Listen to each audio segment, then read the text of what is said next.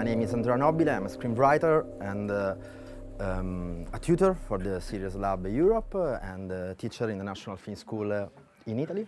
I know that maybe when you read the title and the topic of this masterclass, you may have been a little bit unsettling, unsettled because um, usually when you start to talk about genre stories with vampires, zombie, or ghost, uh, you start to think, oh my God, is uh, maybe only valid for fans or for a small niche of authors.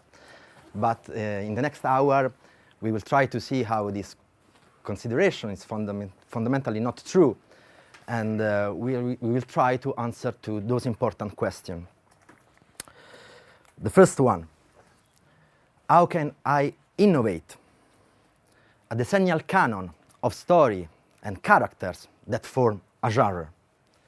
And the second one, how can I conceive, clarify, develop my story in order to be interesting not only for uh, fans of that genre, but for everyone?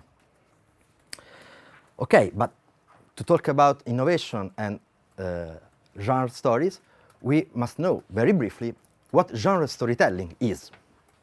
Every genre is based on two fundamental concepts repetition and innovation. Repetition of stories, character, um, forms, contents that will fulfill the expectation of an audience. And an innovation that will create an originality that will capture once again the interest and love of fans of that genre, okay? of audience of that genre. The genre are canons. They have selected hundreds and hundreds of stories, and that they have created compositional rule that have to be respected, obligatory, and renewed minimally. For example, when we go uh, to see in a, cinema, in a movie theater uh, a love story, we expect to see on the screen two lovers, maybe uh, tormented love, and uh, eventually an happy ending. When we go see a western, we expect to see guns, rifles, horses, cowboys, maybe an old man drunk in the village, and the frontier. This is, this is interesting, but because they are forms and content that are recognizable for the audience. But for we, as authors and writers, they are not enough. It's hard to build a story starting from those figures because we, as authors, must ask ourselves the most important question of all why? Why those kind of story exist? As Dr. Lecter would say to Clarice Starling, in The Silence of the Lambs, what is its nature? What basic needs does it serve? So, what basic needs of our, our, of our human experience does, for example, horror satisfy? What do we, why we want to see horror stories? What are we asked to them when we watch them? Here's an example of a horror concept.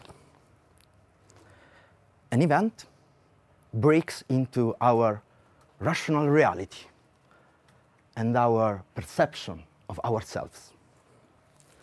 Suddenly, something forces us to no longer follow what we know rationally in order to understand or deal with that event. Rationality is not enough anymore. Something has broken into our world as something has entered from the crack. We want a story that represents those ungovernable emotions, emotion that our rational side, day after day, tries to control, sometimes to repress or to remove. So, here's the first definition of what the horror genre is a powerful amplifier of our fears and our doubts. This premise led to, lead to a de- development that necessarily creates a world in which our physical and scientific rules are no longer valid. They are altered. Sometimes they are profoundly overturned. And this altered or overturned, overturned world serves to explore in horror a fundamental condition of uh, our human being surviving, the ability to survive. Vampires, werewolves, ghosts, demons, supernatural killers test a call into, call into question our ability to survive. Centuries and centuries of civilization have not changed, changed things. We are prey. And in the night, predators come out for our flesh, the zombie, for our soul, the demons, for our minds, the ghosts, for example. We need, we need stories about survival because it's the, the ability to survive that broke us right now and here.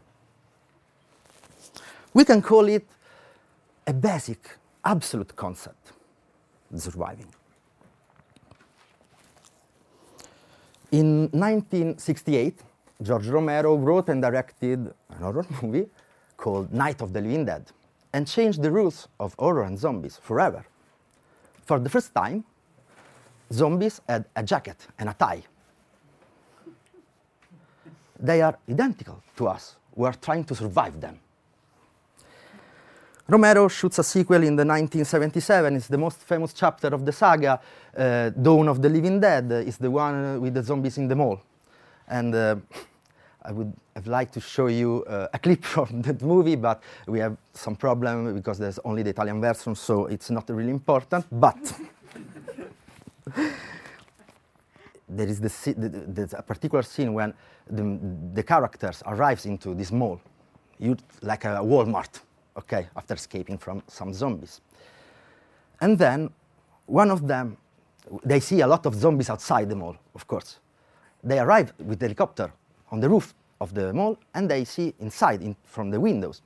And they see that there are zombies into the mall, but there's no people to it. So one of them asks why they are here. And the other, the other character answer, maybe because they're still doing what we were doing when they were alive. Okay? And basically, all the things that the movie wants to tell us is just that scene. Okay?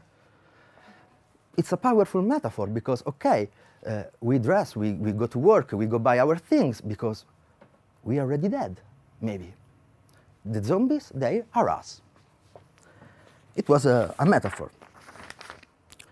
Survival and supernatural evil are absolute concepts that perfectly fit for the nature and the structure of cinematic storytelling, with an opening, a development, and a, a clear and definitive ending.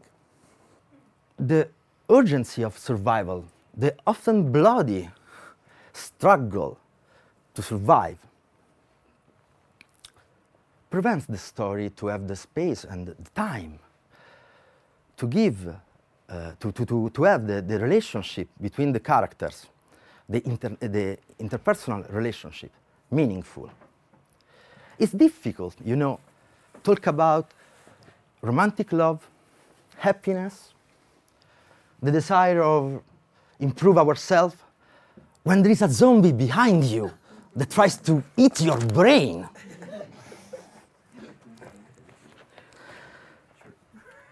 and that's right because the, what is at stake is surviving. But so, what about television, where a story has to expand for many hours, episode after episode, season after season. season. How was the genre told on television? The narration of genre story on television followed and confirmed that cinematographic rule. It's impossible to serialize horror.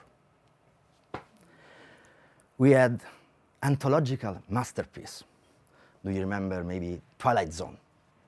That was sorry, Vincent, is the ringtone of uh, not X Files, but Twilight Zone. Do, do, do, do, do, do, do. Okay. Yeah, sorry, but you have to. you have to, you have to say out, please. five continue. But tried to warn me, but uh, I didn't hear what he was saying. Sorry, sorry. Do you remember Twilight Zone? Not remember, but each episode a different story, except for the genre, science fiction or horror. Different story for characters, plot, events, settings, of course. And the same thing we can, we can say for a masterpiece of the 90s, X-Files. Each episode a different story, but the two FBI detectives who cross along the entire fantastic world, they remember it. They remember what they have experienced in the previous episode. And uh, they remember what they have learned in the previous episodes. X-Files is, X-Files is a science fiction story with some decidedly horror episodes. Twilight Zone, X-Files, but also Doctor Who or Visitors has been huge success for fans of that genre. They had armies of fun, real fandom, like a religious cults. But they were members of an audience that was in love with science fiction or horror. Decade after decade, they have captured generation of an audience that, want, that was already willing to watch them. And then what happened in television from the early 2000s, as we know, is a completely different story. The immense success of TV series like uh, Soprano or The Shield, The Wire, Mad Men, thanks to the quality and the precision of, storytelling, of storytelling, with characters that could only exist in TV series, since no other language, no other kind of language, could have told them with the same quality and precision. Think about Don Draper, think about uh, Tony Soprano, Vic Mackey, okay? All that meant that for the first time, people who never watched television start to watch TV series. Moreover, they start to love them. TV series have conquered an audience that was not there. It followed that also genre stories had to be ready to this new challenge. Capture, to capture an audience that was not there. Conquering the, conquering the interest and love of people who had never watched an horror or science fiction story. And for several years, no one managed to, to do it. It's 2010 on AM AMC, a uh, pay TV channel, a new series arrived from a comic book of moderate success, just 1,000 copies per month. It- it's clearly an horror from the title, The Walking Dead. The pilot gets 5 million viewers and became the most successful series premiere for AMC. The next week, in the United Kingdom, on FX, the same result. Doubling that audience channel. The, the second season, a new record. The third one, a new record. The fourth season, a new record. Up to the 17 millions of viewers for the season premiere of the fifth, uh, the fifth season. 17 millions. What had happened? How come the zombies stopped to be watched only by geek and nerds and become interesting for everyone? what new precise, different keys had the authors found, Frank Darabont and Glen Mazzara? What is the story of Walking Dead? It was, what is talking, ab- uh, The Walking Dead talking about? To understand it, as Vincent said before, we have to start from the pilot. Better yet, from the teaser. So, okay, let's let's see. Let's watch let's watch the teaser because there was a. a, a I will, would like to compare to the scene from Romero's movie, but because sorry, just uh, just one second, but keep the, keep the lights off, because uh, not for the mold, but because the uh, that scene starts from a gas station and there, there is an, an horrible killing of uh, two child, two zombie child. So also this now uh, the, the Walking Dead start basically from that point, but um, we, we, we will see the difference, of course, and uh, uh, a little. Uh, I have to say a little thing because, of course, there are graphic moments now. They may disturb the viewer. I hope you have no problem with it, but okay, it's a, less, it's a meeting with horror, so okay. Please. Okay.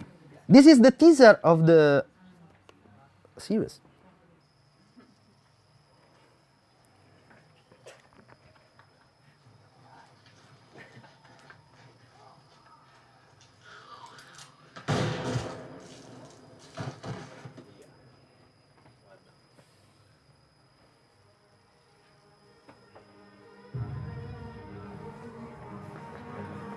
The-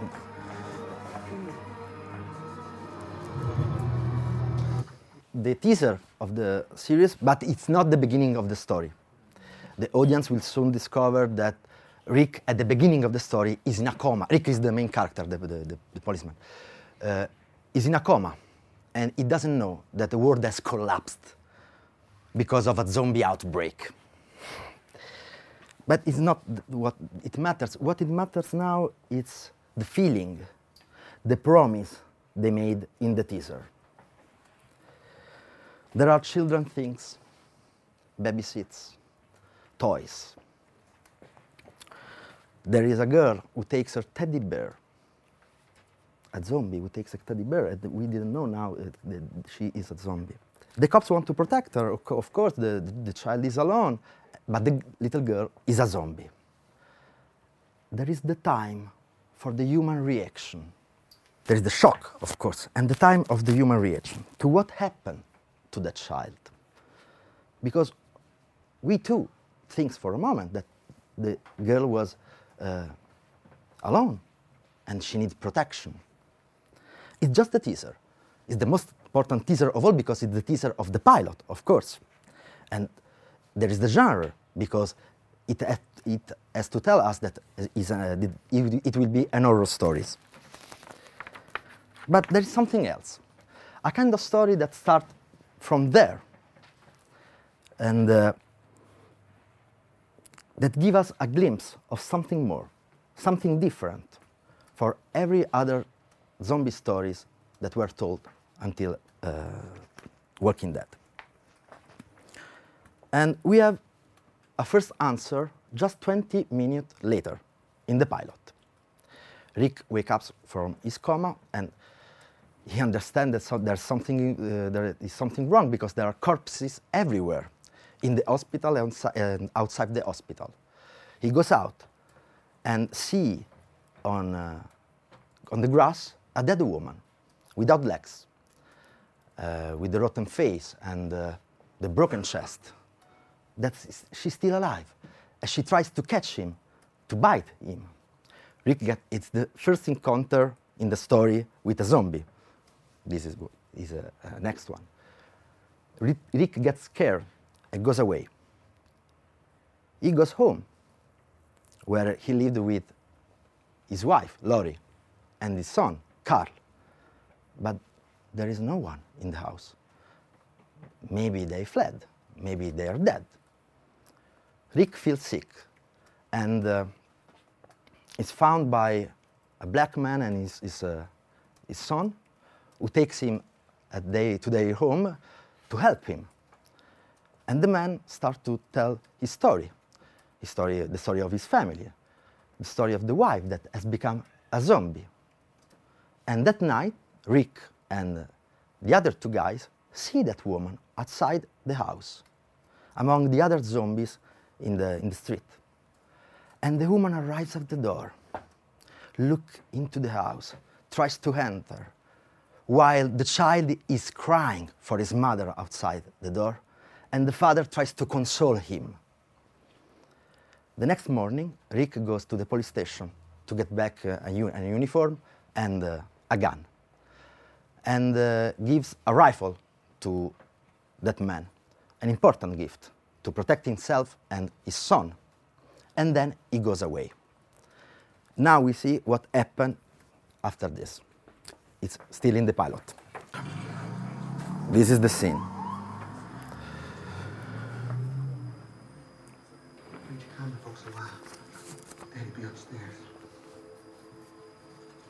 Wait your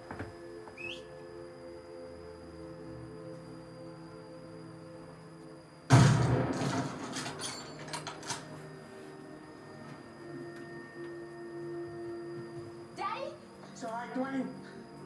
You stay there, son. Don't you come up here.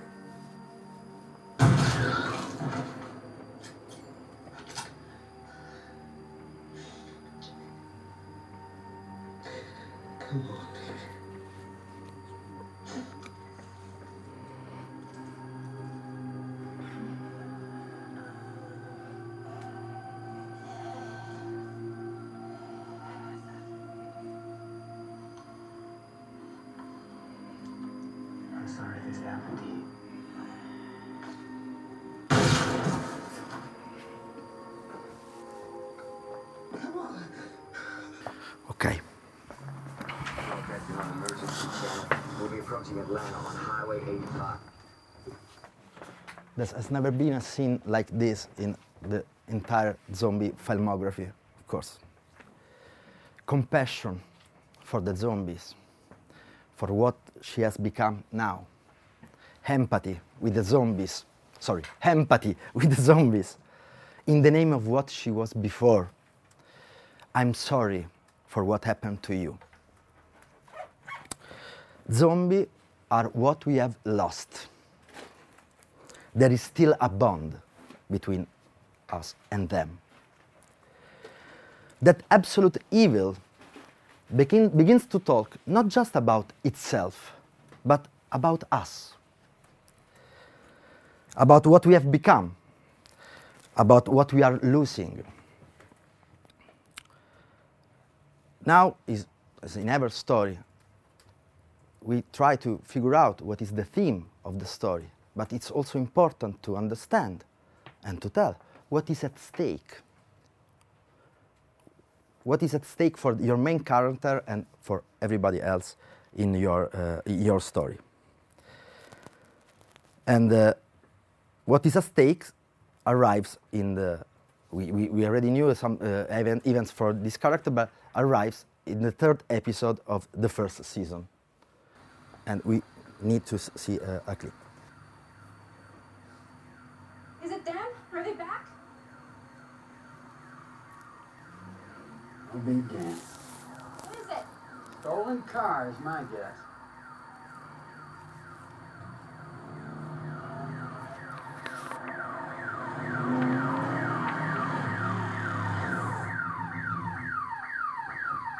Holy crap, turn that damn thing off! I don't know how! Please, would you drop the damn wheel, please? Drop the damn wheel, please! Is she okay? Is she alive? Did she Yeah, yeah, she's okay, she's! Yes!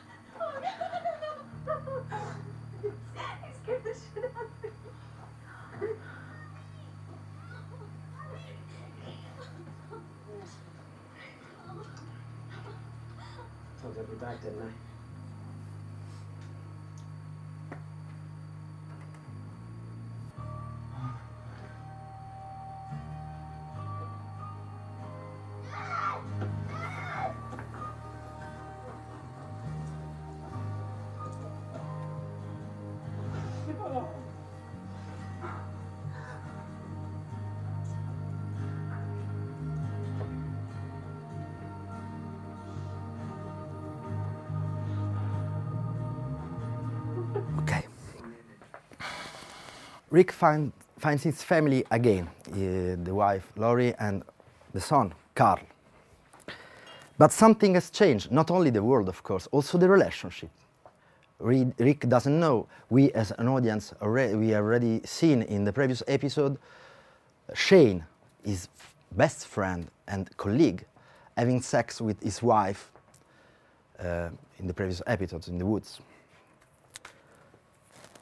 the relationship are changed, then it's a family that work, uh, um, it's a family that working that is talking about.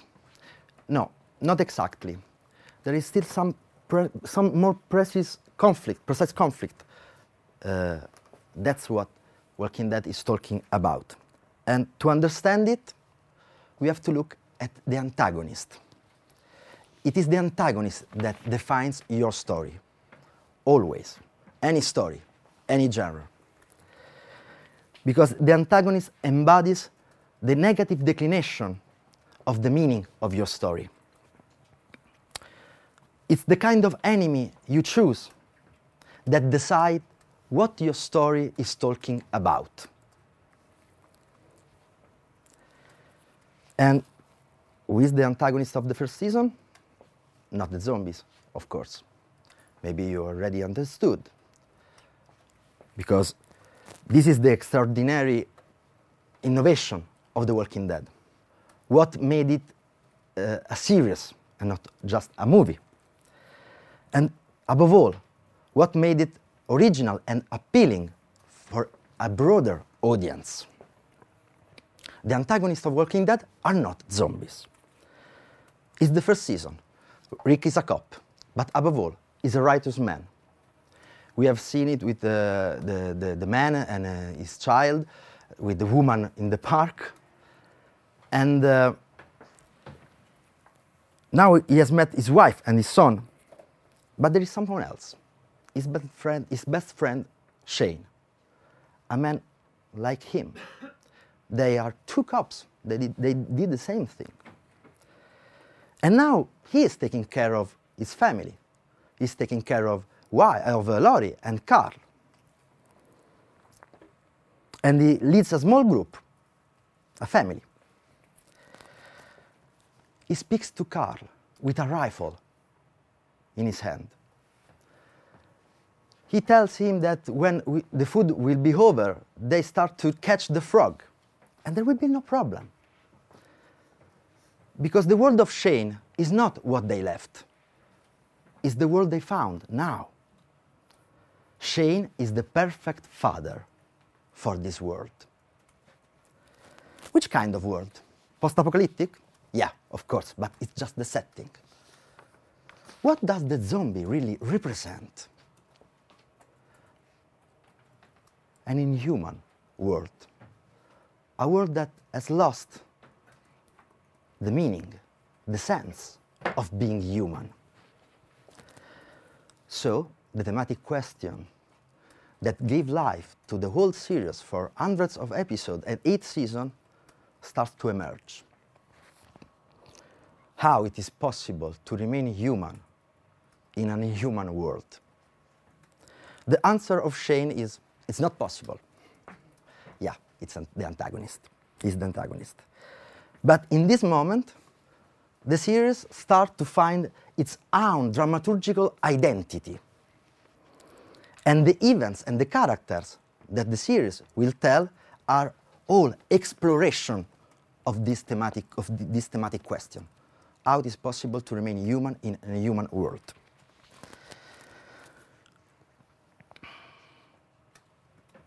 There will be another clip, but I, I- want to tell you, um, because we have no time. The midpoint of the second season. Previously, the group moved continuously in order to find a shelter. And during a zombie attack, a child, Sophie, gets lost. She is no longer found, despite everyone's research. And uh, the group finds a farm, a farm into an extended family lives, a family guided by a patriarch, Hershel, an elderly man. And after some events, the Rick and Shane discover that Hershel holds several captive zombies in his barn. Barn, the barn. Because he's convinced that zombie can be recovered. They can be brought back to the previous life. His wife is among these, those zombies. And the rules of Hershel are really clear. If you want to stay there, here, you have to accept my vision. Eric, at the beginning, accept his vision because he considered the farm as if heaven. But for Shane, of course not. Zombies are a danger. they have to move away, way, or maybe they have to do something else. Open the barn and kill everybody. Rick doesn't want to. Shane uh, finds the, the, the, the, guns and the, and the rifles and give a gun and a rifle to each other member of that group. Also to Carl, the son of Rick. And uh, starting, the, the, a fight starts, and at the end, the zombie goes out the barn, and they, have, they are obliged to shoot everybody. Also, a little girl, Sophie, the girl they lost uh, in the previous episodes. But what is important is also that Shane gives a gun into it gives a, a gun to Carl, giving life a one of the most iconic image of the series. I'm sure that you remember it. The figure of a child with a sheriff hat and a gun is in his hand. A child that is not a child. That's what at stake in the series. Because the conflict, of course, is between human beings, and the conflict is between Rick and Shane, the father of Carl and the father of the uh, future world, of course, the, the present world of the, with the zombies. And this conflict needs to arrive to an end, a climax that obviously, as a series, is not an ending, is a relaunch, is a, a new start. Finally, Rick and Shane uh, have a fight. And Shane declares his goal and accuses Rick to not living up to that world. He will be not able to protect Lori and Carl because he will not survive. This is the precise word. But Rick doesn't want to survive. Rick wants to live. And at the end of the confrontation, Rick managed to kill Shane. And in that very moment, she, he, he turns back and discovered that Carl had watched him killing his friend Shane. And he's shocked. He walks towards him, trying to explain what he uh, uh, just did. And Carl points out the gun against his father. And behind his father, Shane comes back to life as a zombie. So Shane wakes up and walks toward them. And Carl is pointing out the gun, the gun, and at the end he shoots Shane, the zombie, the, the, the Shane as a zombie, in order to save his father. How is it possible to remain human in a world that has become inhuman? The answer of Rick, the answer that will be challenged episode after, after episode by every antagonist of The Walking Dead, is the thematic declination, declination of the series. If I can convey to my son that it's possible to remain human in this world, if I can uh, prevent him, pres- preserve for him the, the sense of humanity, so yes, I will have shown that it's possible to remain human in an unhuman world. And against, against this declination, every antagonist of The Walking Dead is built.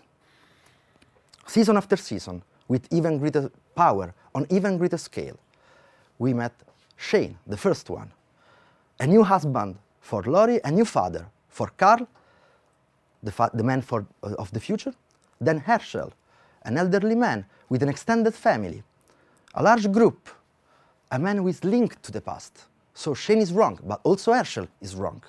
The third season, do you remember? The governor, the father of a fortified town, in which life seems to be the same that was before the zombie outbreak. It's a, poli- a, a political leader, but it's not a good person. He's a dicta- dictator, and is really violent, and kills everyone who disobey to him. And the next season, also a religious leader in the sanctuary, up until one of the most iconic of all, Negan, the man with uh, the baseball barbed bat maybe you, you, you know him, that is in charge of a large group of predators, and that in the previous life he was a school teacher. All of them are father figures. All of them challenge Rick season after season in this kind of conflict. The precision of the conflict that beats on Rick and the precision of the antagonist, everything as the service of this thematic question. And it's the thematic question that brings Walking Dead to an audience that didn't know that they want to see that series. And this is pure gold. When you try and discover how profound is your story, in order to bring an audience that doesn't know that want to see your story. So, innovation of the genre, yes, you have seen it. But above all, the identification of an urgent question and a of a dramatic structure, of course, that will be able to explore all the possible declination of that thematic question. Two key elements to transform a genre story that can be only valid for fans to a story that is important for everyone. Here's the new way to tell genre stories in TV series. Both in horror and in science fiction, the fantastic device, the machine you uh, create in your story in Walking Dead are the zombies, are amplifiers, powerful amplifiers of what you want to talk about. No one will follow you for the zombies, for the monster, or even for the dragons that spit fire and ice. Ice, sorry, fire and ice. No one. What does this machine really represent? What, what, what want do you talk about with them? If you can understand this in your story, that will be not only a theme that uh, uh, will be the fuel of your story for maybe infinite episodes, but you will know as to innovate the genre in order to make that zombie really your zombies, that monster really your monster, because only then they will be original. And they will be original if they are precise. The more precise they are in exploring and representing the, the declination of the thematic question, and the more original they will be. And if they are original, they will be recognizable. And if they are recognizable, they will be memorable, not only for an audience, o- an audience of fans, but for everyone else. That's it.